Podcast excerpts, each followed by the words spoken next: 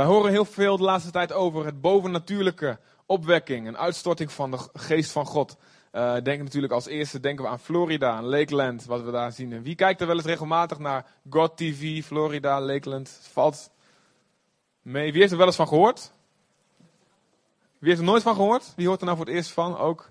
Het kan ook. Um, daarom, eh, ik ga er niet specifiek over één ding hebben of wat dan ook. Want dan, ik, wil, ik wil alleen um, met jullie praten over hoe gaan we om met het bovennatuurlijke van God. Ik denk dat dat heel verstandig is en dat kun je overal op toepassen. God is een bovennatuurlijk God, amen? Als we God konden begrijpen, zou die geen God meer zijn. Hè? Ik vergeet trouwens één ding. Welkom terug, Henry.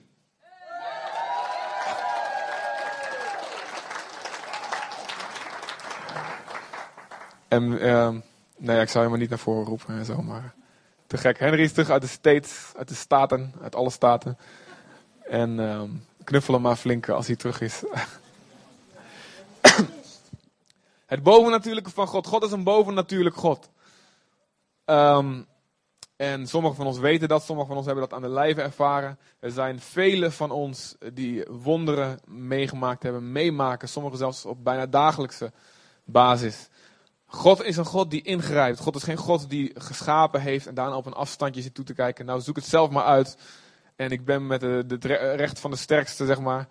God grijpt in. God hoort naar gebed.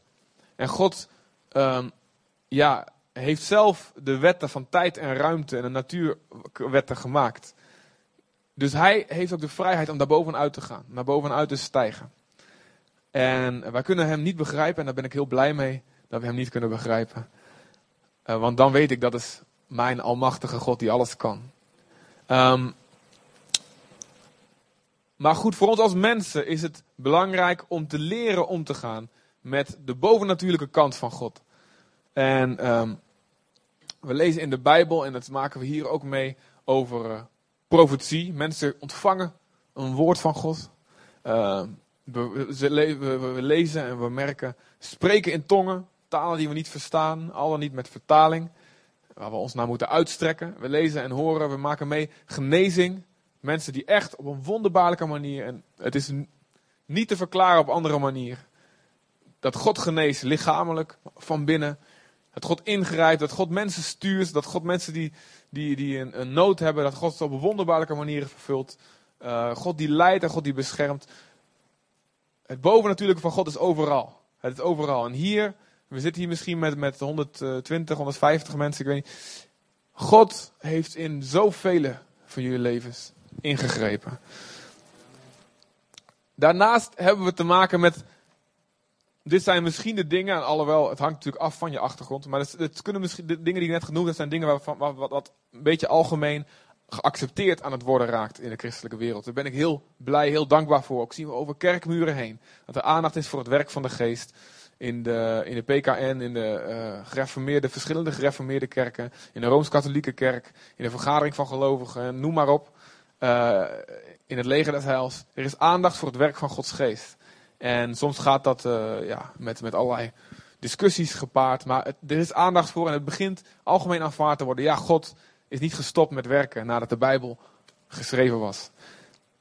Naast die meer algemeen aanvaarde dingen zijn er ook andere dingen. En ik weet niet, misschien hebben jullie daar nooit iets van meegekregen. Misschien wel, misschien zelfs hier. En het is mensen, daar wordt voor gebeden en ze vallen achterover. Ze vallen in de geest. Er zijn mensen die, uh, die beginnen heel hard te lachen. Ze beginnen te roepen, uit te roepen naar God. Of ze beginnen te schudden zelfs. Of allerlei bewegingen te maken. en zelfs wat we de laatste tijd, nou ja, het is, het is, al, is al veel ouder, maar wat de laatste tijd weer in het, het nieuws is, is uh, goudstof wat neerdaalt uit de hemel en op bijbels terechtkomt. Mensen die, die in diensten gouden tanden krijgen van God, waar ze gaatjes in de tanden hebben. Um, ze kunnen het zo gek niet bedenken. Hoe gaan we daarmee om? Wat is van God en wat niet? En hoe moet ons eigen hart hierin staan? Hoe kunnen we leren onderscheiden hoe God werkt, waar God werkt, wat onze reactie daarop zou moeten zijn? En wat is Gods bedoeling met dit alles? En is er misschien ook een andere kant aan? Nou, en ik wil jullie niet eigenlijk vandaag niet de antwoorden voorkouwen Zo van, dit is goed en dat is slecht. Iemand die blaft is fout en iemand die valt is goed, wat dan ook. Ik, daar gaat het niet om. Dat, dat, dat ga ik jullie niet voorkouwen. Dat, dat kan ook niet. Zo werkt het ook niet. Maar ik geloof dat het belangrijk is dat we als gemeente volwassen worden. Dat je als gelovige volwassen worden. En um, dat we niet meegaan in allerlei wind van leer.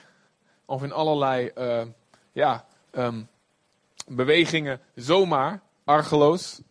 En dat we ook niet het werk van God tegenhouden. Ik geloof dat God wil dat wij volwassen worden. Hè? Berea, de gemeente Berea in Handelingen, waar onze naam vandaan komt, stond bekend. Dat zij alles nagingen in de Bijbel om te toetsen of de dingen werkelijk zo waren die verkondigd werden. En dat ze daarin vonden, dit is inderdaad waar. En ze aanvaarden het met blijdschap. En dat is wat we moeten doen. God wil dat we volwassen zijn. Niet naïef en geen fariseërs, maar volwassen. En het kan alleen, de verklapvaste uitkomst, het kan alleen in een relatie met God. Je kan alle theorieën uit je hoofd leren, alle boeken. Dit is, uh, je kunt zelfs alle beste boeken en geschriften lezen hierover. Maar zonder relatie met God zul je niet kunnen onderscheiden.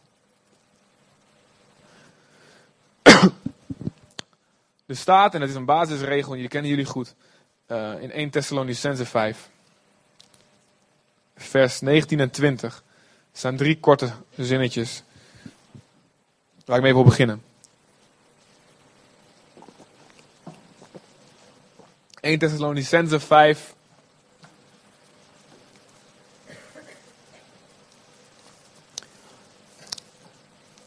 Ongeveer drie kwart van het Nieuwe Testament te vinden.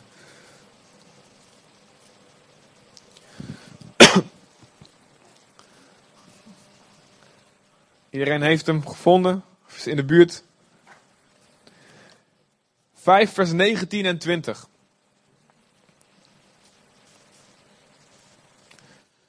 Doof de geest niet uit.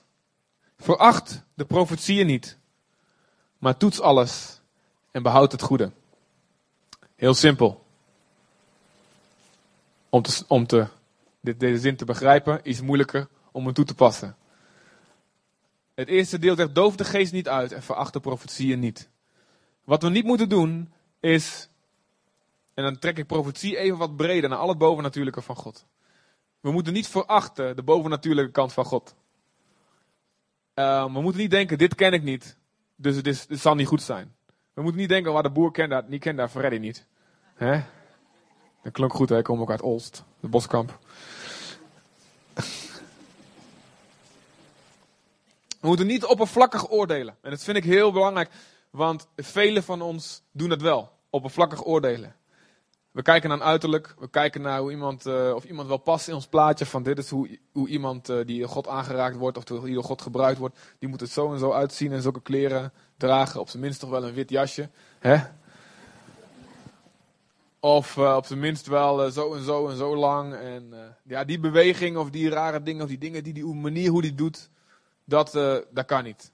Of we kijken naar en we, we, merken uh, bijvoorbeeld culturele aspecten. Bijvoorbeeld Afrikaanse evangelisten of sprekers. Of Amerikaanse stijl. En we denken, ah, wij, wij als Europeaan hebben een beetje zoiets van Amerikanen. Die doen altijd zo overdreven. Um, kijk even naar Henry. En, um, de, en dan meteen door, door het zien van dat culturele aspect. Denken we, dat kan niet van God zijn. Iemand die zo'n show ervan maakt. Of iemand die op zo'n. Wat, wat, wat, wat, voor cultuur dan maar ook. En we verwerpen het omdat een aantal dingen ons niet aanstaan in het uiterlijk. Hè? En dat is een fout die je kan maken. Waardoor. Uh, ik, en ik heb zelf ook daarheen moeten, doorheen moeten prikken. Ik had ook een tijd gehad van. Oh, dan komen ze weer met die Amerikaanse toestand. En ik heb moeten leren van. Nee, ik wil leren van iedereen en van alles. En ik ben ontzettend gezegend daarna door zelfs dingen waarvan ik nog steeds denk van ja, dat, dat, dat zou ik niet zo doen. Maar het zegent me wel. En God is er wel in. En overal zit er cultuur in. Misschien komen mensen bij ons in de dienst en denken ze nou wat een Hollandse cultuur of wat dan ook, weet je. Weten wij ook niet wat wij hebben. We moeten leren niet oppervlakkig te oordelen. We moeten leren niet uh, te kijken naar wat er gebeurt. Bijvoorbeeld iemand die in tongen spreekt of valt of, of eh, misschien kom je hier, hier net nieuw en, en, en, je, denkt, je vindt het al heftig. Eh, handen omhoog en, en, springen en dansen. En nou, dat, dat is toch raar. We moeten niet oppervlakkig oordelen.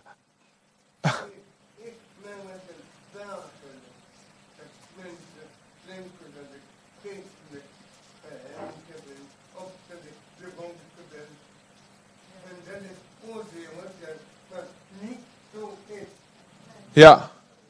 Dat is een goed voorbeeld van oppervlakkig, mensen die oppervlakkig oordelen. Hè? En het is vaak een kwestie van even leren kennen. Nou, en, dat, dat geldt ook voor de geestelijke dingen. Dingen die we zien in de gemeente, of dingen die we zien op televisie of op eh, internet of waar dan ook. Ehm, we kunnen niet te snel oordelen en denken, nou, dat zit zo. Regel 1 en stap die. We moeten vaak leren kennen. En ik heb meegemaakt dat diensten waarin er eh, alleen maar gelachen werd. Er zou een prediking komen en er werd alleen maar gelachen. En er kwamen mensen eh, van ver, speciaal voor de dienst, en die gingen boos naar huis. Nou, ben ik hiervoor helemaal gekomen. En, eh, en die hebben oppervlakkig geoordeeld. Ik, ik vind het begrijp, het is begrijpelijk. Ik wil niet zeggen belachelijk, het is begrijpelijk. Maar we moeten leren volwassen te worden daarin. Want de volgende dag ben ik ook bij de getuigenisdienst geweest. En wat ik gehoord heb, wat dat gedaan heeft. Het was geen oppervlakkig lachen, maar het was een, eh, werkelijk gebaseerd op wat Jezus gedaan had in dat, in, dat geval. Het geba- gebaseerd op de blijdschap van, van vergeving en van verlossing en van, van de nieuwe leven wat God ons geeft, de overwinning die God ons geeft. En het heeft mensen innerlijk genezen, veranderd, vrijgezet van trauma's en angst waar ze jarenlang mee bezig waren. Dus we moeten op- oppassen met oppervlakkig oordelen. En dat deden de fariseeërs ook. Ze vonden het allemaal maar vreemd. En ze denken, nou, het is de, door de duivel drijft hij de boze geest uit. Want de duivel die staat daarboven. De... En Jezus zegt, pas op. Pas op dat je de Heilige Geest niet lastert. Wie bepaalt tenslotte wat normaal is? Wat is normaal? Hè? Een, norm, ja, dat, dat bepalen wij met z'n allen. Of bepaalt misschien jij, je cultuur waar je vandaan komt. God bepaalt wat normaal is. Nou, laten we gaan naar zijn woord. Wat daar staat. En daar staan behoorlijk vreemde dingen in. Dat kan ik je zeggen.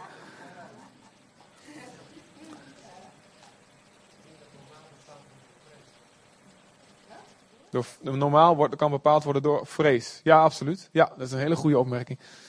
Normaal, wat normaal is, kan bepaald worden door angst voor het onbekende. Of angst om je het over te geven. Dan denk van, nou, doe maar normaal, doe je al gek genoeg. Nou, als normaal inderdaad het woord van God is, dan vind ik het die uitspraak een goede uitspraak. Doe maar normaal. Hè? God doet vreemde werken. Er staat, hij gebruikt het dwaze van de wereld om het wijze te beschamen. En wat in de ogen van mensen iets verachtelijks is, God heeft er een handje van. God houdt, er, houdt ervan om dat te gebruiken om de wereld te beschamen en de wijsheid van God te laten zien, de kracht van God te laten zien. En ehm, ja, veel mensen hebben ook slechte ervaringen met, met bovennatuurlijke dingen. We hebben gezien dat er misbruik van gemaakt wordt. We hebben zoiets van, nou, bijvoorbeeld een profetie en dat was helemaal verkeerd of fout of manipulatief of wat dan ook. Nou, geen profetie meer aan mij. Geen, geen ge- hoe heet dat? eh, ehm, ah, mijn lijf geen Polonaise. Die wou ik zoeken. En, ehm, of eh, ja, mensen die allerlei dingen met God schenen mee te maken. Of met hun handen zo om zagen staan en daarna huigelachtig of hypocriet gedrag zagen. Nou, dat zullen allemaal wel hypocrieten zijn. Dat is oppervlakkig oordelen wat, wat, ja, wat ons niet goed zal doen. We moeten een baby niet met het badwater weggooien. Hè? En net als met een voedselvergiftiging. Hè? Als je één keer eh, salmonella hebt gehad, ga je ook niet, nooit meer eten. Dat doe je ook niet. Hè? Je gaat door met eten, je gaat het goede eten. En je gaat het kwade vermijden. En het is onvolwassen om te zeggen, nou ga ik nooit meer eten, want ik heb ook heel buikpijn gehad. Nee, dat is, dat, zo, werkt het niet. En zo is met de geestelijke dingen moet het ook zijn. En we moeten een brandende passie hebben voor het ware bovennatuurlijke. Ik kan je zeggen, als je niet een, een, een verlangen hebt om het ware bovennatuurlijke van God te zien, zul je niet kunnen onderscheiden wat van God is of wat niet. En wie dat niet heeft, is niet in staat om juist te onderscheiden. En ehm, is- Je- Jezus zegt in Marcus 12, vers 24, zegt hij. Jullie, en had hij tegen de fariseeën of dus tegen de Sadduceërs. Zegt hij, jullie dwalen, jullie zijn verkeerd bezig. Waarom? Omdat jullie niet de schriften kennen. Jullie kennen niet het woord van God. En jullie kennen de kracht van God niet. En ik denk dat dat nog steeds geldt. Mensen die verkeerd, die dwalen, die verkeerd onderscheiden, of die niet doorhebben wat God doet. Dat komt omdat je of het woord van God niet kent, Of je kent de kracht van God niet. En je moet allebei kennen om het juiste spoor te wandelen. Dus het woord kennen, enerzijds. De kracht van God kennen, anderzijds. Niet het een zonder het ander. Niet alleen het woord, maar de kracht van God, ja, minachten. Niet alleen maar de kracht en het woord van God, ja, dat is voor uh, die geleerden. Het woord en de kracht van God. Daar moeten we. Daar, moeten we kennen. We moeten het ondervinden. Niet alleen hier kennen, we moeten het ondervinden. Maar toets alles en behoud het goede. Alles doorslikken. En omdat het. Uh, de baby zo, uh, zo goed is, ook maar het badwater uh, doorslikken. Of dat? Dat is ook niet goed. Omdat er iets goeds in zit, nou dan zal alles ook wel goed zijn. Oh, er gebeuren echte genezingen die echt van God zijn. Dus dan zal alles wat daar gebeurt ook wel goed zijn. Want God kan alleen maar werken door iets wat perfect is, anders zou hij het niet zegenen. Dat is niet zo. God gebruikt imperfecte mensen. Halleluja, zeg ik. Anders dat zou ik hier niet staan. En jullie allemaal hadden ook jullie mond moeten houden. God gebruikt onvolmaakte mensen. Is dat niet te gek? Hè? En dus niet alles wat er gebeurt in naam van opwekking of in naam van wonderen. Zelfs met echte wonderen en met echte bekeringen, met echte goede vruchten. Niet alles is goed. God geeft dan niet meteen zijn, zijn zegen aan alles wat die persoon doet. Of iemand die genezen wordt, dat, is, dat betekent meteen dat alles in het leven van die persoon goed is. Hoe dan wel? Oké, niet al het bovennatuurlijke, of wat er bovennatuurlijk lijkt, is van God. Jammer. Hè? We weten dat in de wereld voodoo en uh, hekserij en uh, genezingen in allerlei verschillende religies zijn reëel. Je hoort mij hier niet verkondigen dat het allemaal nep is. Alhoewel ik geloof mensen als Char en, en weet ik veel, Astro TV en zo. Ik geloof dat het grootste deel kwakzalverij is en dat het uh, gebaseerd is op psychologische trucjes. Dat bestaat, het bestaat. Maar is daarnaast is er ook het ware bovennatuurlijke, wat niet van God komt. In, in andere godsdiensten. Nou, we kunnen daar, en daar zal ik niet veel over hebben, maar heel duidelijk over zijn. Dit dat is niet van God. We kunnen, uh, een basisregel 1 Johannes 4 vers 1 is dat iedere geest die niet beleidt dat Jezus als zoon van God in het vlees gekomen is, een lichaam gekregen heeft, dat, die komt niet uit God. Dat is de basis. Dus iedere geest die niet beleidt dat Jezus in het vlees gekomen is, en er horen helaas zelfs ook zich christelijk noemende bewegingen onder, die al, die al de mens worden of de goddelijkheid van Jezus ontkennen, of de dood en de opstanding van Jezus ontkennen, dan, komt, dan begeef je al enorm gevaarlijk terrein. Dus een geest en iets bovennatuurlijks, oh, wat op grond daarvan komt, is niet uit God. Dat is het woord, wat het woord van God ons zegt. En hier houden we aan vast. er zijn eigenlijk grofweg drie bronnen van waaruit iets bovennatuurlijks of wat bovennatuurlijk lijkt kan voortkomen. En het is de geest van God, dus het ware geestelijke, als eerste. Dat is als tweede menselijke zielskracht. En als derde kan het zijn het rijk van de duisternis, Satan, demonisch. Is reëel. Het is een reële wereld. Ten eerste de geest van God, ten tweede zielskracht, ten derde het duisternis. Het eerste, de geest van God. Zoals ik al zei, God is bovennatuurlijk. En de Bijbel is vol van het bovennatuurlijke. Zou je elke pagina waar een wonder op is staat eruit scheuren? Misschien heb je wat uit hooglied over of zo, ik weet het niet. Alhoewel liefde ook bovennatuurlijk is. Maar je houdt niet veel over. Het is reëel. Jezus spreekt over genezingen, over boze geesten. En, en dat doet hij niet om ons therapeutisch van, nou ja, geef hem maar een naam. Het is reëel, het is een reële wereld. En het werk van Gods geest, waar God bezig is, dat roept heftige emoties, heftige reacties op. Bijvoorbeeld, een besef, als mensen besef van zonde krijgen. Wat we vaak zien, wat we als het goed is altijd zien, bij mensen die daadwerkelijk bekeerd zijn. Je moet een moment hebben gehad van werkelijk besef, ik ben een zondaar. Het klinkt even heel ouderwets wat ik nou zeg, maar het is heel bijbels. Um, Ik weet niet wat daar gebeurt allemaal. Maakt niet uit. Kijk maar hier, jongens. Kijk maar hier, kijk maar hier, kijk maar hier. Anders dan kost het allemaal tijd. Hè?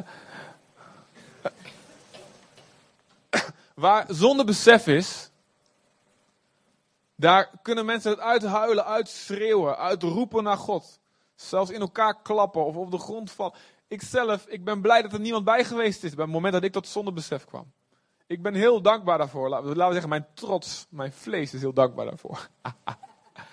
Want er was geen prettig aangezicht. Ik heb over de grond gekrioeld. Welkom. Ik heb over de grond gekropen. En ik heb, zoals ik al vaker gezegd heb, het gevoel gehad. Wat in openbaring staat. Laat de bergen alsjeblieft op mij vallen om mij te verbergen voor het oordeel van God. Ik heb gevoeld. Ik heb een voorproefje van de hel gehad. God in zijn liefde heeft me dat laten zien. Daar ben ik heel blij en dankbaar voor.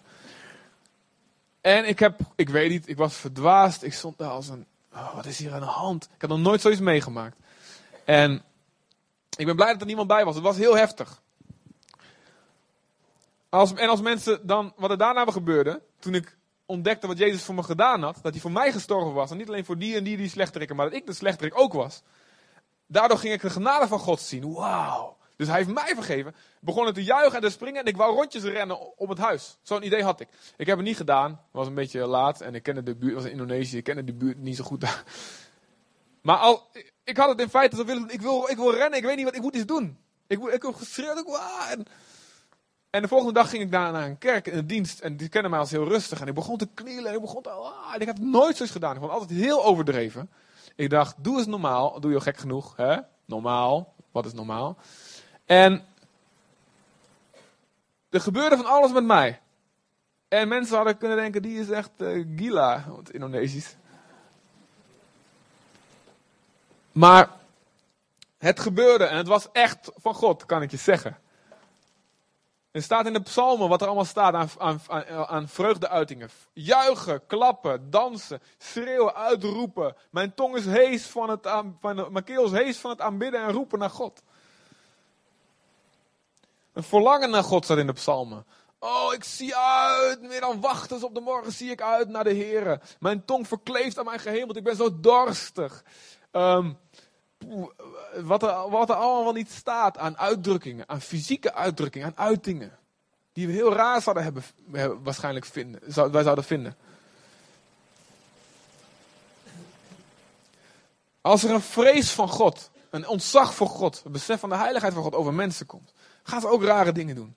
Ik heb drie kwartier samen met wat vrienden stilgelegen ooit een keer. Ik durfde me niet te bewegen. Omdat ik wist dat God in de kamer was.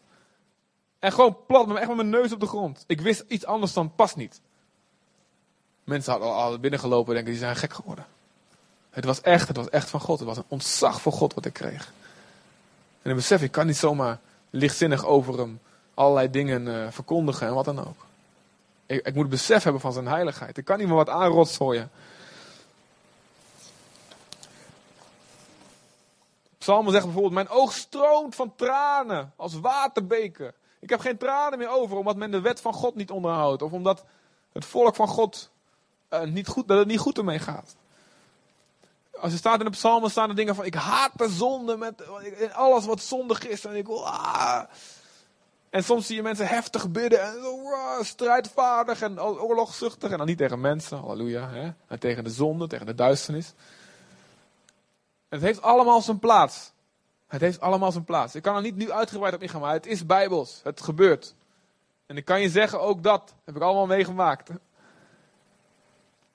Nou, de wonderen en tekenen.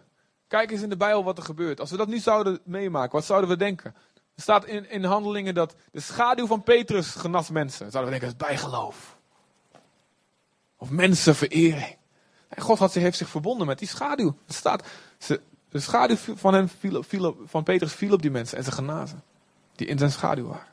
De zweetdoeken en de gordeldoeken van Paulus werden gebracht naar de zieken en ze genazen. Oh, dat is wel cult. is, als we dat nu zouden denken. Het is, was van God. Het was van God.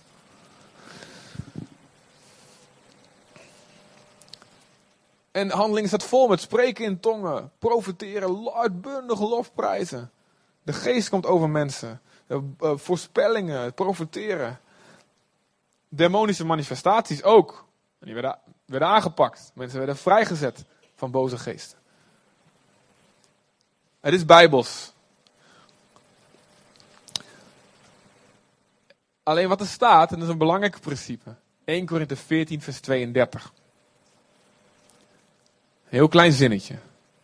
Je mag hem opzoeken als je wil. 1 Korinthe 14, vers 32. Heel klein stukje. Het hoofdstuk gaat sowieso over spreken in tongen en profetie. Hoe we daarmee om moeten gaan, in balans moeten zetten. Maar er staat dat de geesten van de profeten zijn de profeten onderworpen. Want God is geen God van wanorde, maar van vrede. Dit betekent niet dat er nooit iets bovennatuurlijks mag gebeuren. Dat zeggen sommige mensen. Er mag niks bovennatuurlijks gebeuren in de dienst. Want God is een God van wanorde, niet van vrede. Van, van vrede, sorry, niet van wanorde. Dat staat er niet. Moet je het hele hoofdstuk lezen. Maar wel dat wanneer het nodig is, kan iemand met wie iets bovennatuurlijks gebeurt, hè, of uh, spreken in tongen of wat dan ook, een uiting. Die kan wel in de orde meegaan van de dienst, van het moment wat, uh, waar de gelovigen samenkomen. Want de geest van de profeten is onderworpen aan de profeet zelf. En als het nodig is dat er orde is, dan kan die er ook zijn. Dus daarom um, geloof ik niet aan het, feit van, nou, ik kan er niks aan doen, ik moet doorgaan, ik kan niet, doen met, niet doorgaan met stoppen. Nee, dat, dat, is, dat geloof ik niet. Je, kunt, geest, je geest is onderworpen aan jou. De geest van de profeet moet zich onderwerpen aan de profeten. Dat is heel duidelijk. En het ware van God werkt altijd vruchten uit van heiliging, van gehoorzaamheid aan het woord van God. En een vuur wat geen heiliging voortbrengt, is vals vuur. Let op, het vuur dat geen reiniging en heiliging voortbrengt, is vals vuur.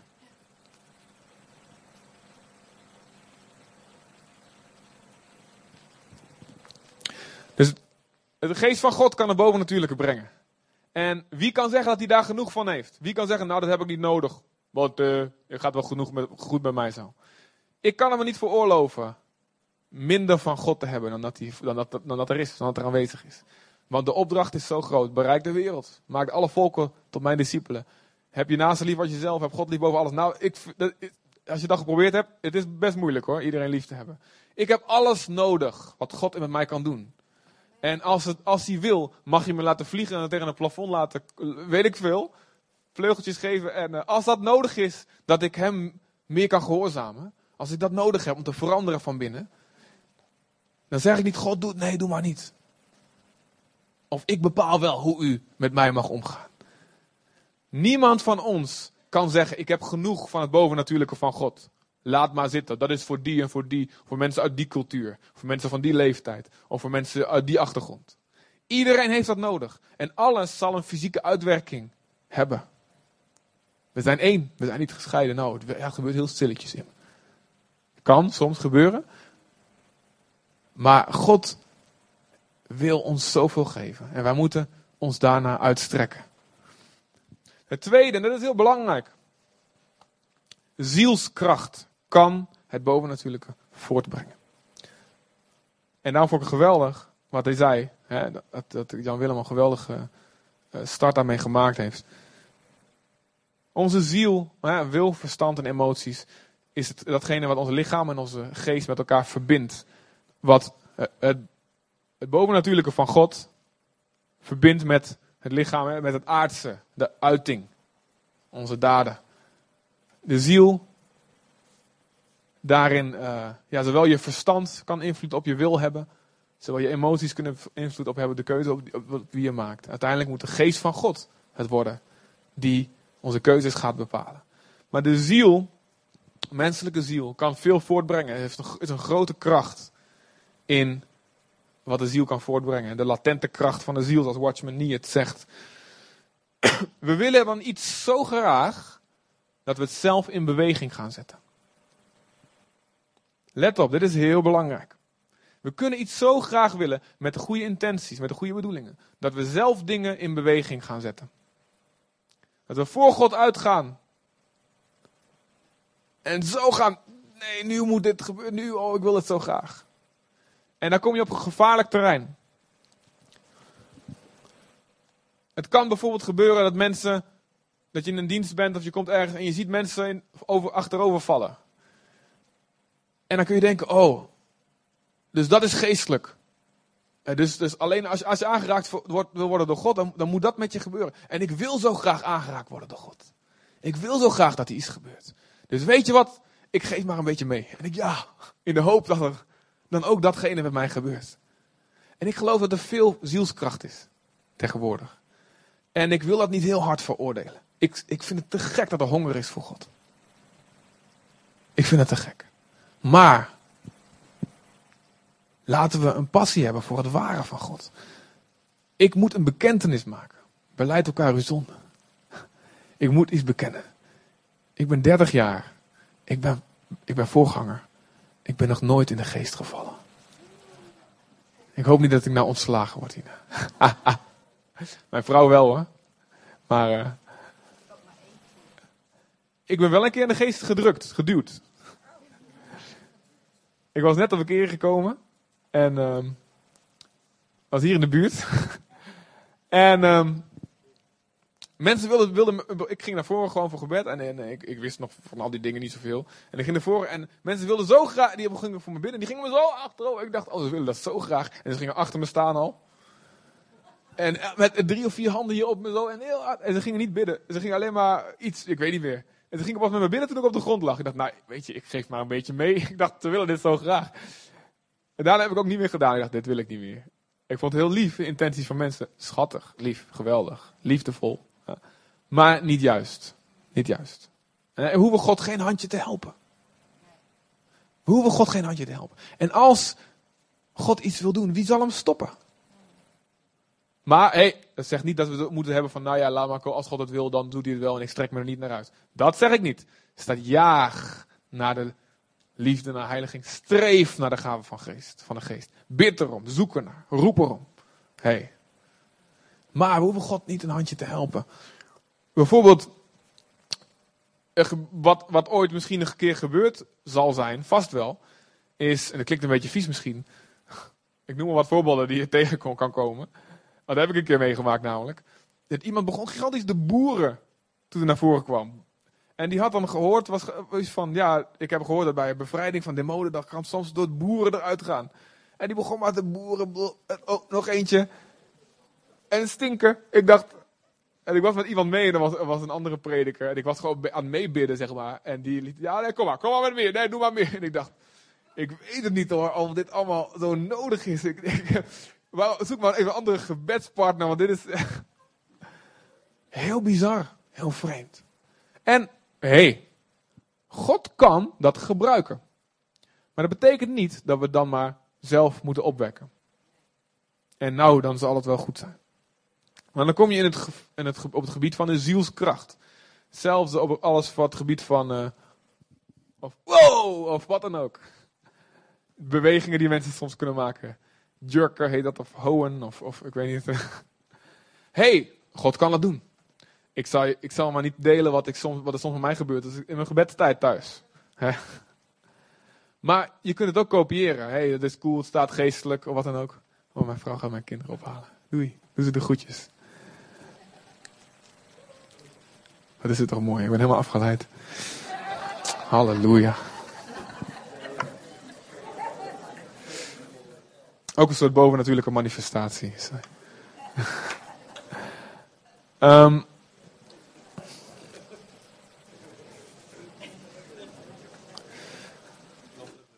wat was ik aan het zeggen?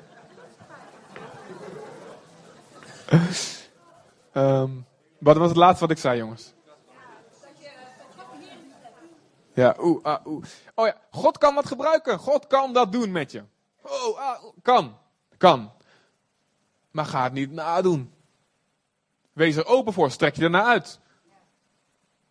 En ik zeg je ook, heel veel van dat soort bewegingen of dat soort dingen, is niet per se de Heilige Geest van God die dat doet, maar het is een reactie van de mens op wat de Geest van God doet. En ook daar kan je voor kiezen om controle over te hebben. Soms is het niet nodig en kun je lekker laten gaan. Dat is ook goed, die momenten dat je die hebt. Maar belangrijk is, ga niet over in zielskracht. Ik wil dat zo graag. Of iedereen doet het. En we hebben, ik heb regelmatig gehad, ik of samen met Nathalie, dat we in dienst waren. En dan komt dus, komt er, uh, werd, er gebeden voor mensen. En nou, ik was gewoon ik helemaal voor God. Ik ga altijd voor God. Ik zeg, ik heb alles nodig. En als ik ergens ben op zo'n momenten en als het maar een beetje klinkt van, oh, dat is een oproep waar ik naar voren kan. Ik, ik, kom maar, kom maar. Ik heb het nodig. Ik heb alles nodig. Dus ik ben hongerig, ik ben dorstig. En dat wil ik altijd ook blijven. Maar dan komt de spreker eraan en iedereen. Dan komt hij dichterbij en dan ziet het. Iedereen die valt op de grond. En, ik, en, ik, en ik heb echt niks, niks kritisch of wat dan ook. Of echt gewoon helemaal open. En er, werd gebeden en nou, ik blijf gewoon lekker staan. Maar ik, ik strek, blijf me lekker uitstrekken en doe ik mijn ogen open. En dan sta ik zij op zo'n eilandje. Iedereen ligt en ik blijf staan. En dan, ik denk, nou wat is dit nou? Maar ik heb gezegd, heer, ik geef niet mee. Ik geef niet mee, maar u mag alles doen. U mag echt alles doen. Gooi me drie meter de lucht in. Heerlijk.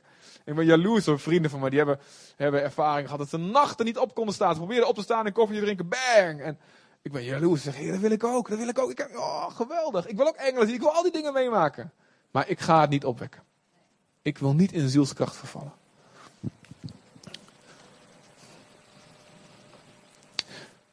En allerlei motieven kunnen zijn. Nou, dan, ja, ik wil het zo graag. Of, nou ja, het hoort erbij. Nou, ik heb, oh, fijn. En dan heb je het demonische. Dat bestaat ook. Jezus zegt, Matthäus 24, vers 24. Matthäus 24, vers 24.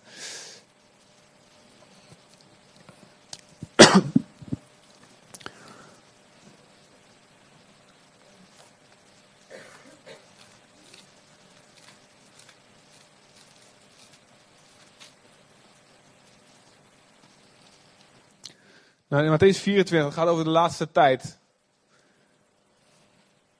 Wat eigenlijk uh, als heel veel dingen in zich had van de verwoesting van Jeruzalem in het 70 na Christus.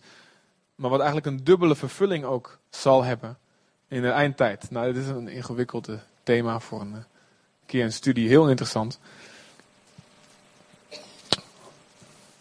En in vers 5 zegt Jezus al, zie toe, 24 vers 5, zie toe dat niemand je verleidt. Want velen zullen komen onder mijn naam en zeggen, ik ben de Christus. En ze zullen velen verleiden. Veel, veel valse religies en sectes. Uh, ik ben maar even heel duidelijk. Jehovah's getuigen, mormonen, Christian Science, Scientology, uh, islam. Uh, allemaal valse profeten. Mensen zeggen, ik ben een messias, of ik ben een profeet, of ik ben een verlosser. Maharashi, Gashi, weet ik veel, die man, die, yogi en Yoda, en iets van Star Wars. Die Mr. Miyagi. wax on, wax off. Velen zullen komen en zeggen: Ik ben de Christus. Nou kan dit ook zo vertaald worden. Dus het kan zo wel betekenen mensen zeggen: ik ben, ik ben de Jezus, ik ben de volger, ik ben de Messias, ik ben de profeet. Jodendom en vele Messiassen, zogenaamd gekend ook. Maar het kan ook betekenen dat mens, mensen die zeggen, Jezus is, Jezus is wel de Christus. En toch. Dat kan het ook betekenen. Dat Jezus echt, eh, die zegt ik, het heeft over zichzelf. Vele mensen zullen zeggen dat ik de Christus ben en toch velen verleiden. Hmm. Hmm. Zie toe dat niemand je verleidt. Vers 24.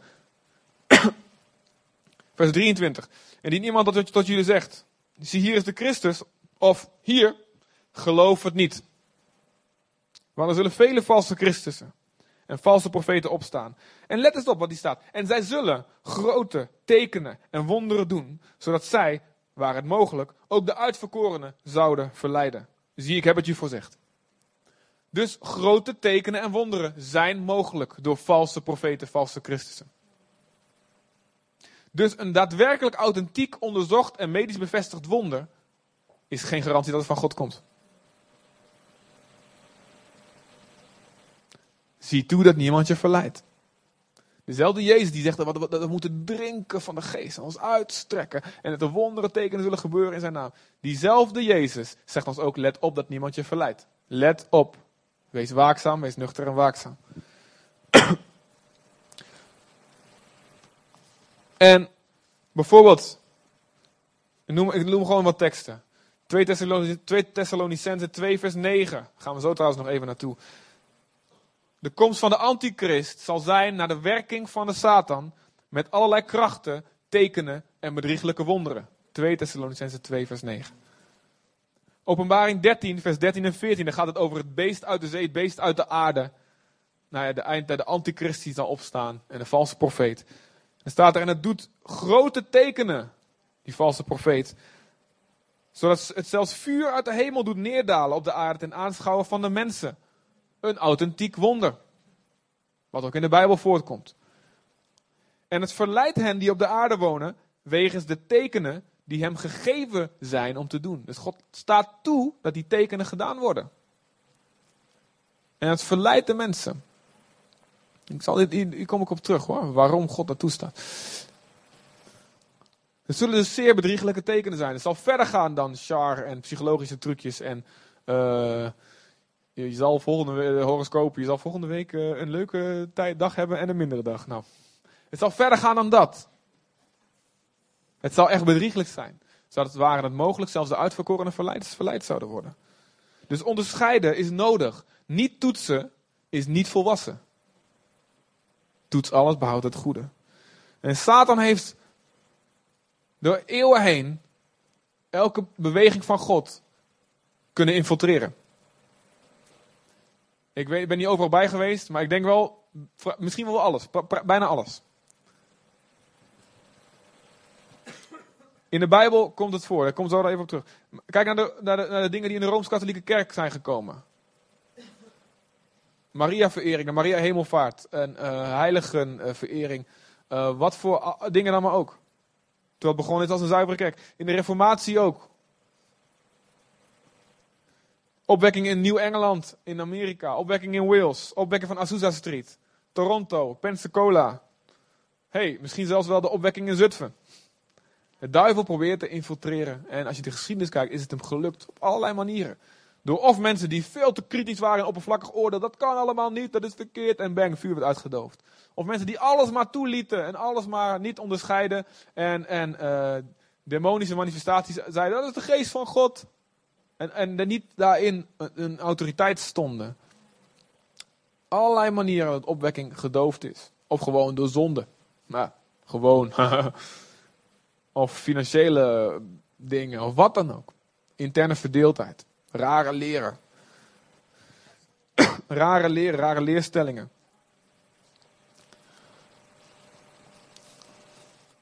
En dan kan dus, dus, ik heb het over drie dingen gehad. De geest van God kan het bovennatuurlijke bewerken. Zielskracht kan het bovennatuurlijke bewerken. En um,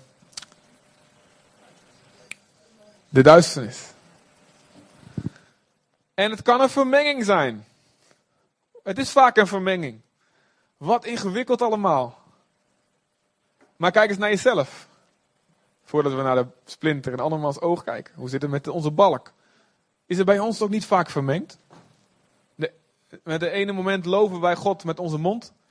En een andere moment vervloeken wij de mensen door kwaad over ze te spreken. Eenzelfde bron komt bitter en zoet water uit voort. Hè? Jacobus spreekt hierover. Eén moment ben je helemaal in de Heer en in de glorie en in de geest. En een ander moment dan, is rot dit? En hé, hey, en toch was het echt van God. Dus, niet te snel de vinger wijzen. iedereen die anderen veroordeelt, veroordeelt zichzelf ook tegelijkertijd. Aan de andere kant moeten we dingen beoordelen. Om volwassen te worden. Een vermenging en dat maakt het heel belangrijk. Leviticus 19, vers 19.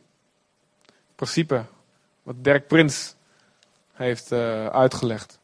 Daar staat: Je zal van je vee niet twee verschillende soorten laten paren. Een, een rund en een schaap of wat dan ook. Je akker niet met tweeërlei zaad bezaaien. En een kleed uit tweeërlei stof vervaardigd zal je niet dragen. En eh, Paulus zegt, bemoeit God zich soms met de ossen? Nou, hij spreekt over geestelijke principes hier. Je moet geen vermenging van geesten bewust toestaan. Waar je die ontdekt, je moet het zorgen dat het zuiver wordt. Ook in je eigen leven, in ons eigen leven, in onze gemeente. Wij moeten daarvoor waken. En in Jacobus 3 vers 9, wat ik net aanhaalde. Hè? Het moet niet zo zijn, mijn broeders, zegt Jacobus. En in elk werk van God is de, geest, is de geest in ieder geval met een mate van vlees vermengd. Een authentiek werk van God kan gepaard gaan met een spreker die doet aan opschepperij en zijn eigen eer zoeken. Of ambitie, alle ambitie heeft voor positie voor macht of voor gezien worden. En bij authentieke wonderen van God kan jaloezie gepaard gaan. Ergernissen, irritaties. In de Bijbel staat er vol met voorbeelden daarvan. Kijk naar Petrus, een grote apostel, een schaduwgenas mensen. En hij moet toch vermaand worden door Paulus. Een aantal jaren later. Omdat hij huigelarij doet. Kijk naar de brief aan de Corinthiërs, de brief aan de Galaten. Kijk gewoon naar het grote plaatje. Een geweldige wonderen van God. En Paulus, die schrijft nog steeds een brief aan ze. Hij verbreekt niet de contact met ze. Want hey, het werk van God is nog steeds daar. Maar hey, dit is fout. Dit is vlees. Jullie zijn vleeselijk, zegt hij. Jullie laten zonde toe. Jullie pakken het niet aan. Jullie spreken alleen maar in tongen en, en het wordt helemaal niet gepreekt. En wat voor dingen dan maar ook. Er zijn valse leerstellingen. Jullie hebben partijschappen. Die is voor die en die is voor die. Vermenging van geest, zielskracht en het demonische. En zeker als een leider is daar je verantwoordelijkheid erg groot in. Daarom, iedereen van jullie die ambieert een verantwoordelijkheid te hebben in de gemeente, een prediker te worden. Ik ben blij dat er heel veel mensen zijn die willen meearbeiden in de oogst. Maar iedereen die verlangen heeft naar een geestelijke taak, een geestelijke verantwoordelijkheid, zorg ervoor, wat ik vorige week over had, dat je klaar bent, dat je karakter laat slijpen. Want straks kom je in de bediening en mensen gaan naar je kijken en je bent een reflectie van wie God is. Mensen kijken naar je. Maar ze zien ook als je je vlees niet gekruisigd hebt, of als je nog in je trots leeft, of als je nog, zo, als je nog onzeker bent en de goedkeuring van mensen nodig hebt, en van daaruit foute dingen gaat doen. Mensen zullen dat zien en ze zullen een voorbeeld aan je nemen. En ze zullen wel of niet van God ontvangen. Of misschien je met een, breng je een vermenging. Dus iedereen die wil groeien in verantwoordelijkheid, in leiderschap, in taken. Zorg dat God je kan tuchtigen, kan disciplineren, kan veranderen naar het beeld van Jezus zodat hij zo min mogelijk van die vermenging zal hebben.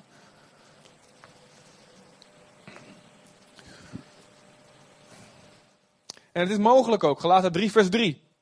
Paulus zegt, ben je begonnen in de geest en eindigen jullie nu in het vlees? Dus iets wat in de geest begonnen is, kan eindigen in een ziels iets. Zelfs in een demonisch iets. God begint iets, maar we bewaken, waken niet over ons hart. We laten bitterheid toe, we laten aanstoot toe, we laten ambitie toe. Wat dan ook. En het eind. Hm? Ja, ik heb het over zelfzuchtige ambitie. Ja, ambitie voor God, voor de eer van God, is te gek.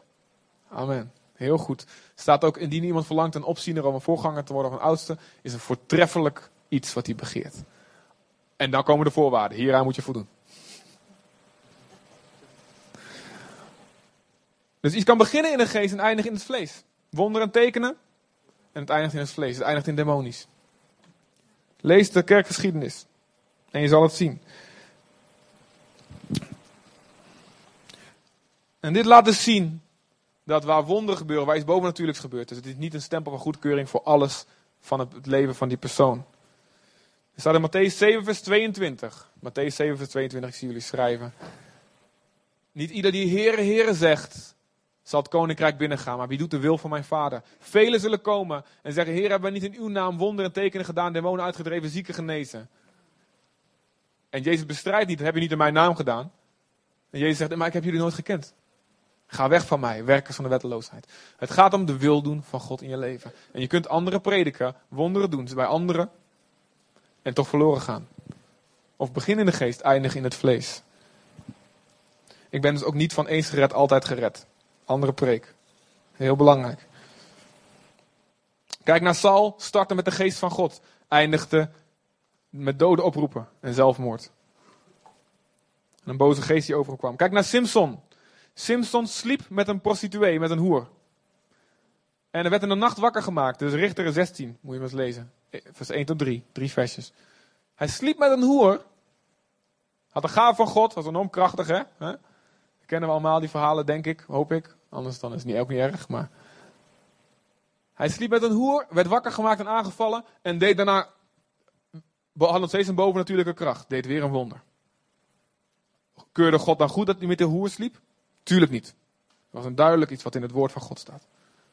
Maar de gave en de roeping van God zijn onberouwelijk. Romeinen 11 vers 29. De gave en de roeping van God zijn onberouwelijk. Als God iets geeft, het is onberouwelijk. Het is aan de mens daarna hoe je daarmee omgaat. Sta je toe dat je vlees hierin doorgaat. Dus zeg niet van, nou, ik heb, gisteren heb ik nog gebeden voor iemand die genas. Of er gebeurde iets, of, ik, of ik, ik spreek nog steeds in tongen, dus alles zal wel goed zijn. Toets jezelf. Toets je hart. Stel jezelf op de proef of je nog in het geloof bent voortdurend. Zorg dat je een relatie met God hebt. Dat je de wil van de Vader doet. Matthäus 13 staat een verhaal van, van de, de God de Vader. 13 vers 24 tot 30.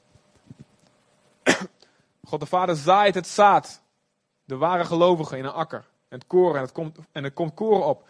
En Satan zaait daar onkruid tussendoor. Het komt samen op. En God zegt, laat allebei samen opgroeien. Als je het onkruid eruit trekt, misschien haal je ook het goede koren weg. En aan het einde, als het oordeel van God komt, dan zal het duidelijk worden. Wat onkruid is en wat koren is. En het, het vleeselijk kan dus vervallen tot demonisch. Het iets geestelijks kan vervallen naar iets uit je ziel en doorgaan naar demonisch. Denk eraan, Satan eet van het stof van de aarde. De slang zal eten van het stof. Genesis 3 vers 14. De slang eet van het stof. Wij zijn gemaakt van stof, hè? Stof zult, zul je weerkeren. Satan eet waar je je vlees, waar je oude mens, zonder de geest van God de ruimte geeft. Daar eet hij van en daar wordt hij sterk van. Daar krijgt hij een dikke buik van. En dan neemt hij meer ruimte in beslag. Dus laten we daarin goed onderscheiden. Hoe moeten we dan oordelen? Ik heb nog zoveel te zeggen, joh. Ik, ik zou hier veel meer over moeten preken. Hoe meer ik hiermee bezig ging, hoe meer ik. Dat moet ik ook zeggen. Dan moet ik ook zeggen, wauw. Misschien komt er nog wel eens terug. Um, de punten voor hoe kunnen we dan dingen beoordelen? Heb een relatie met God. Dat is eigenlijk heel erg basis. Hoe meer je met het echte omgaat, hoe meer je het valse zult onderscheiden. Maar let op, in alles wat je denkt te moeten beoordelen. Het is goed om dingen te beoordelen. Maar beoordeel eerst je eigen balk, alsjeblieft. En daarna andermans splinter. Dan zul je scherp kunnen zien. Blinden die blinden zullen leiden, vallen samen in de put. Je eigen gehoorzaamheid is noodzakelijk voordat je de gehoorzaamheid om je heen tot de orde kan roepen. 2 Korinthe 10, vers 6 staat dat. Je eigen gehoorzaamheid moet voorkomen zijn voor je er iets aan kan doen.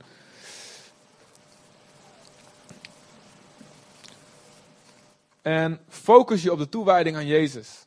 Satan, er staat in 2 Korinthe 11, vers 3.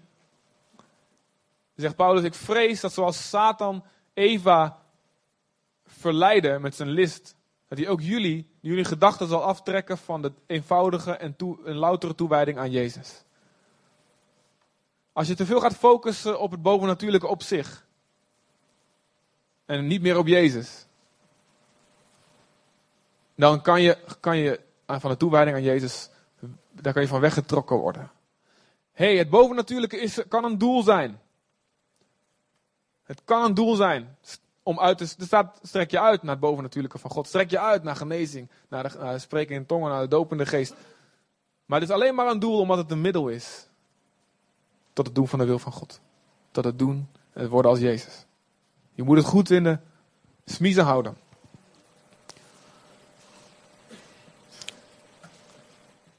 Zoek gehoorzaamheid boven de manifestaties, wat ik net zei. We moeten onderscheiden waarop het aankomt. hey, beter gehoorzaamheid beter de wil van God doen zonder manifestaties, dan manifestaties zonder het doen van de wil van God. Ik heb liever dat je uh, nooit naar voren komt en nooit dit dingen in de geest doet allemaal, maar je bent radicaal gehoorzaam. Dan andersom. Dan elke keer naar voren komen, maar er verandert niks in je leven. Laat de vruchten van de geest in je doorwerken. Jaag naar de heiliging. Doe de wil van de Vader. Dan zul je blijven tot een eeuwigheid. Besef de beperktheid van je oordeel. Besef dat je niet alles weet. We weten niet alles. Dus ik kan nu een heel verhaal houden over zo'n Todd Bentley of wat dan ook. Maar ik ken, ik ken hem niet persoonlijk. Ik weet niet wat voor vruchten in zijn leven zijn verder. Ik kan wel sommige dingen die hij zegt of dingen die hij doet, kan ik toetsen. Absoluut. Met heel veel nederigheid. Maar wees heel voorzichtig. Wees, besef, ik kan maar beperkt beoordelen. Want ik weet niet alles. Geldt ook in de gemeente. Je ziet mensen dingen doen of je hoort een half verhaal. Je hebt de klepel en de klok. Dat ken je wel, hè? Je weet niet waar die klepel hangt of zo. Je hebt de klok horen luiden. Besef de beperktheid en wees nederig. Wees ook open. Wees open. Wees niet vast in je mening dat je nooit meer kan veranderen. Ik denk eenmaal zo en blijf altijd zo. Het schijnt hoe ouder je hersenen worden, hoe meer moeite ze hebben met het aanpassen aan nieuwe gedachten. Maar ik geloof dat wel, door de geest van God kunnen we verjongd worden in ons denken. Amen. En Petrus moest ook, moest ook flink uit, de, uit, zijn, uit zijn dogma's gehaald worden. De heidenen mogen ook het uh, verlossing aanvaarden. Dan moest God moest een dik visioen drie keer laten komen. Voordat hij snapte, oh dit is het. Pas op, met uh, allerlei voortschrijdende openbaring heet dat. Hè. Het is nu wel zo dat de openbaring van God staat vast. Het oude verbond zei, er komt nog een nieuw verbond aan. En er is nog een beter hoge priesterschap, een beter verbond, al die dingen. En er komt nog een profeet na mij, nou ja, verhaal. Het nieuwe verbond zegt, dit is het einde van de eeuwen. Is over ons gekomen. Dus er komt geen boek van Mormon meer of een boek van de Koran of wat dan ook. Het nieuwe verbond is klaar. Dus als je allerlei buitenbijbelse openbaring erbij krijgt. Nu moeten we dit gaan doen, zegt de Heer. Pas op, gevaarlijk terrein. En er kunnen dingen zijn die ons nieuw lijken, maar die versterken het woord van God juist. Dat kan ook. Goed. Ga niet twisten en ruzie maken in een negatieve geest. En op elk, elk slakje zout leggen. Of hoe heet dat? Op elke korreltje zout. Nou ja. Ik en de spreekwoorden gaat niet zo goed samen. Je kan, het helemaal, je kan helemaal gelijk hebben. Je kan de waarheid zelfs verdedigen. En toch een instrument van Satan zijn. Door verdeeldheid te zaaien. Paulus zegt tegen Timotheus: Wees afkerig van dwaze en onverstandige strijdvragen. Ga niet moeilijk doen over kleinigheden en nutteloosheden. Over de kern van de dingen, oké, belangrijk. hey, belangrijk. Zie toe op jezelf en op de leer. Jezus zegt: Pas op voor de zuurdesem van de fariseeën, de leer van de fariseeërs. En we hebben tegenwoordig een beetje een afkeer van allerlei gekissenbis over leerstelling of dogma's. Maar het is wel belangrijk. Wat, wat, wat is de leer? Wat is de doctrine? Wat wordt daar gezegd? Want het bepaalt hoe mensen naar God gaan kijken. En het allerbelangrijkste, en die wil ik opzoeken. 2 Thessalonicense 2, vers 10 tot 12. Ik ben bijna klaar om mensen, maar ik wil dit wel allemaal even zeggen. Als jullie me toestaan. 2 Thessalonicense 2, vers 10 tot 12. Nou, ik begin maar even in vers 9, wat we net al gelezen hebben. Het gesprek is over de komst van de antichrist. Hij die tegen Jezus zal zijn, maar ook net als Jezus misschien wel. In heel veel opzichten. En God wil ons daarvoor beschermen dat we daarin trappen.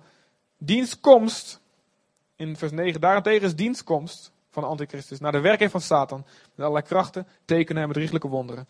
En met allerlei verlokkende ongerechtigheid voor hen die verloren gaan. Het zal heel verlokkend zijn. Waarom gaan zij verloren? Let op, let op. Waarom gaan mensen verloren? Omdat zij de liefde tot de waarheid niet aanvaard hebben. En daarom, waardoor zij hadden behouden kunnen worden. En daarom zendt God hen een dwaling. Staat God toe dat ze op het verkeerde pad gaan. Een bedwaling die bewerkt dat ze de leugen geloven. Opdat alle worden geoordeeld die de waarheid niet geloofd hebben, maar eerder een welgevallen hebben gehad in ongerechtigheid. Er staat hier het belangrijkste punt wat ik wil zeggen. Liefde voor de waarheid kan je redden. Dus, dus in het opzicht van wat ik zei, ga niet mee in allerlei dingen, omdat je denkt, dan hoor ik erbij. Of dit zal wel geestelijk zijn. Of ik wil uh, spektakel zien. Of wat dan ook. Of ik wil de mensen zien hoe krachtig en autoriteit ik heb. Dat ik wat er wonderen gebeuren en wat dan ook. Zorg dat je liefde voor de waarheid hebt. Liefde, ik wil, ik wil, ik wil oprechtheid. Ik wil dat het echt is. Ik wil dat het echt is. Ik wil dat uw werk echt is in mij, Heer.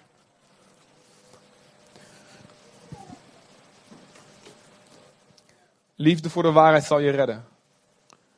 Nogmaals, zij dus die geen passie voor de waarheid hebben, die geen passie hebben voor het ware bovennatuurlijke van God, zullen niet kunnen onderscheiden. En luister alsjeblieft naar je door God gegeven intuïtie. In het kader van het toetsen van de geest in 1 Johannes 2, uit mijn hoofd, ik heb het niet opgeschreven. 1 Johannes 2 ergens, halverwege het hoofdstuk. Jullie hebben een zalving van de heilige ontvangen. Jullie weten alle dingen. Wie waarlijk bekeerd is, dat is ook nog een punt. Als je echt bekeerd bent, en je bent vervuld met de Heilige Geest, dan heb je een zalving van binnen, hier in je buik als het ware, waardoor je aanvoelt of dingen van God zijn of niet. En er kunnen allerlei redenen zijn dat we soms aan de kant zetten. nou ja, iedereen, iedereen doet mee. En iedereen die, die denkt dat dit goed is, dus dan zet ik dit ook maar aan de kant. En je luister je niet naar de intuïtie. De geheiligde intuïtie, let op.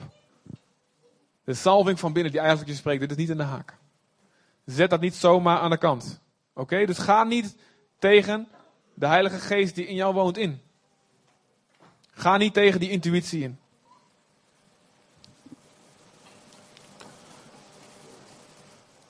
Nou, wat betreft dat verhaal met Lakeland, ik denk dat dat, wat ik kan zien, dat daar een beweging, dat een beweging van God is. Dat daar authentieke wonderen gebeuren. Dat daar, als je ook die aanbidding ziet, dat dat te gek is. Nogmaals, ik heb er niet, helemaal niet veel gekeken, dus ik ben heel beperkt in mijn oordeel, heel voorzichtig ook hierin. Aan de andere kant zijn er dingen waar ik vragen bij heb. Maar het lijkt erop dat er goede bijsturing aan het komen is daar. Dat daar goede, goed volwassen leiderschap ook bij komt. En die daar dingen die scheef dreigen te gaan aan het bijsturen is. Laten we ervoor bidden in plaats van alleen beoordelen. Laten we ervoor bidden. Laten we bidden voor Todd Bentley en voor al die mensen daaromheen. Laten we bidden voor elke beweging van God. Heren, maak het volwassen. Zuiver het. Maar dingen zoals ja, vrouwelijke engelen of mensen visualiseren naar de derde hemel gaan of wat dan ook. Of God die zegt dat je allerlei tatoeages moet maken. Ik vind ik op zijn minst twijfelachtig. Vind ik op zijn minst twijfelachtig. Maar goed, nogmaals, ik ben er niet ingedoken, dus ik ben heel voorzichtig daarin. Maar hey, ik heb een passie voor het ware van God. Ik strek me uit, heren. We hebben al uw bovennatuurlijke nodig. Amen. Exodus 30, 32, laatste tekst. Wil ik jullie niet onthouden. Over de heilige zalfolie. Op het lichaam van een mens zal er niet uitgegoten worden. En volgens deze bereidingswijze mag je niks soortgelijks maken. Zij is iets heiligs. En heilig zal zij u zijn. En wie dat overtreedt, die werd uitgeroeid uit het volk van God. De heilige zalfolie is iets heiligs. We moeten dus niet zeggen, er is helemaal geen heilige zalfolie. Het is er wel. Er is het bovennatuurlijke van God. We moeten ook niet het uitgieten op het vlees, op onze eigen ziel, onze zielskracht inzetten. Kijk, wat er gebeurt, de kippenvel wat je krijgt bij een concert van Marco Borsato. Of wat mensen krijgen in de moskee van Mekka of wat dan ook. Is zielskracht. Alles kan je kippenvel geven. Hoeft niet per se de geest van God te zijn. Goed. Het doel is echte opwekking. Echte opwekking. Het echte bovennatuurlijke van God. Amen. Strekken we ons daarna uit. Ik wil het. Ik zal niet, ik zal niet rusten tot het, tot het er is. Tot het in mijn leven is. Tot ik een wandelende opwekking ben. En jullie allemaal. Amen, zullen we staan?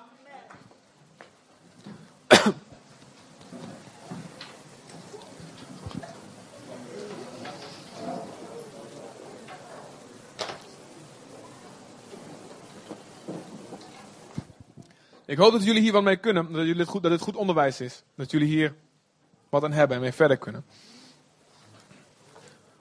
Laten we bidden. Vader God, we danken u, heren. We danken u voor uw woord. We danken u voor uw bovennatuurlijke kant. We willen er niet van wegrennen omdat we niet kennen. Heer, we willen in geestvervoering zijn ten dienste van u. En nuchter van zin zijn ten dienste van mensen.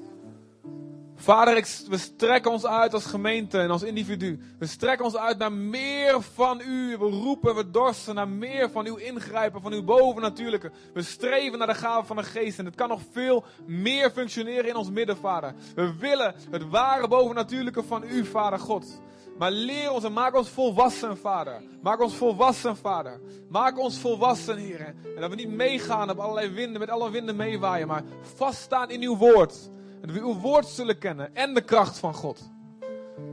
Kom, heren. We strekken ons uit naar u, Heer. Leer ons onderscheiden met alle nederigheid. En heren, laat ons zien waarin wij nog neigen, zielskracht of het demonische zelfs, ruimte te geven. Laat ons zien waar wij nog geen passie hebben voor de waarheid. Waar wij ons eigenlijk niet uitstrekken naar het bovennatuurlijke, maar het wel goed vinden zo. Laat ons zien waar we door angst geregeerd worden. We strekken ons uit naar u. We hebben alles, alles nodig van u, Vader. Heer, we zijn hier met een geweldige groep mensen en we groeien, Vader. Maar Heer, er zijn 50.000 mensen in deze stad. Heer, er zijn zes of zeven miljard mensen op de wereld. Ze moeten u leren kennen, Heer. We kunnen ons niet veroorloven ons niet meer uit te strekken naar u. We kunnen ons niet veroorloven te zeggen dat we, niet, dat we wel genoeg van God hebben. Of genoeg van zijn wonderen. Maar Heer, maak ons volwassen. En in Jezus' naam, laat het werk van de ziel vernietigd worden. In mij ten eerste, in ons ten eerste, Vader God. Heer, laat het werk van de duivel gestopt worden en geblokkeerd worden in Jezus' naam, Vader. Heer, laat alles zich onderwerpen. Heer, aan de gehoorzaamheid aan Jezus, Vader. Laat ons vol zijn van uw geest, Vader. En laat, strek uw hand uit. Dat wonderen en tekenen zullen geboren. Door de naam van uw heilige knecht Jezus. Heer, dat we vrijmoedigheid zullen krijgen om te spreken. Dat we ons niks zal ontbreken aan geestelijke gaven. Heer, maak ons volwassen, Vader. Leer ons hier door ervaring onderscheid maken door tussen goed en kwaad, Vader. Heer, dat geest en ziel uit elkaar gesneden zullen worden door uw scherpe woord. In Jezus' naam, Vader, God, Heer. We strekken ons uit naar u, naar meer van u, Vader. Heer, geef opwekking en begin bij mij. Maak uw kerk volwassen en begin bij mij, Vader. Oh, Vader, Heer. Jezus, Hij regeert. Heilig is de Heer der Heren. God regeert. Hij regeert. eeuwig. We zingen, U regeert, Heer. Kom, Heer. God regeert,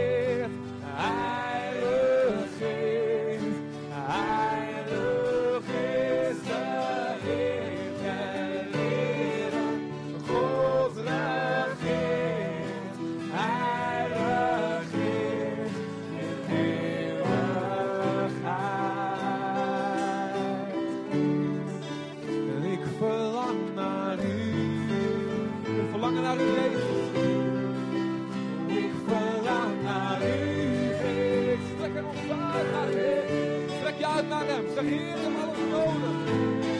Verlang naar opwekking, Heer.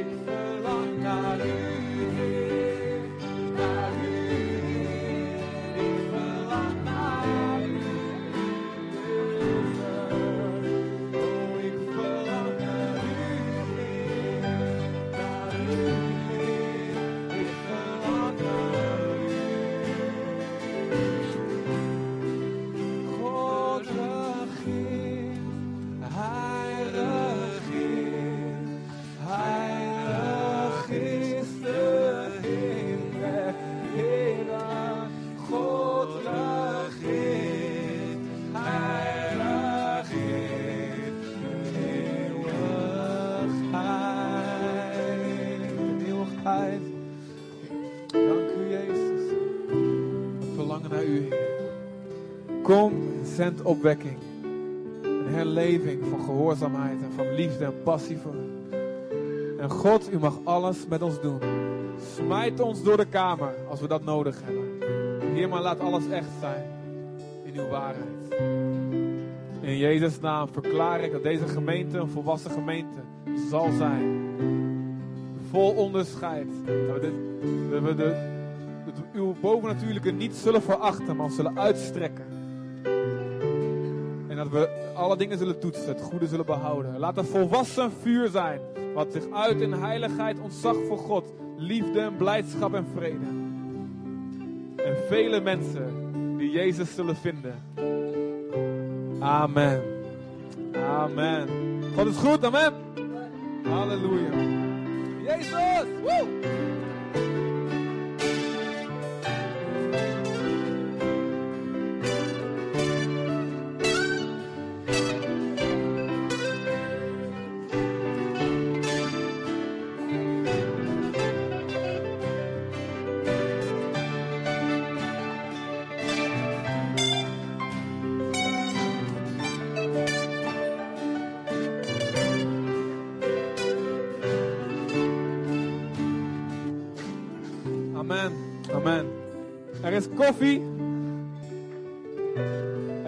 Oh, Christafari. Christafari, sorry. Concert van Christafari moet ik even bekendmaken. Christelijke reggae of the Beatles. Dreadlocks in de Heer. 21 juli. Meer info bij Jan Willem.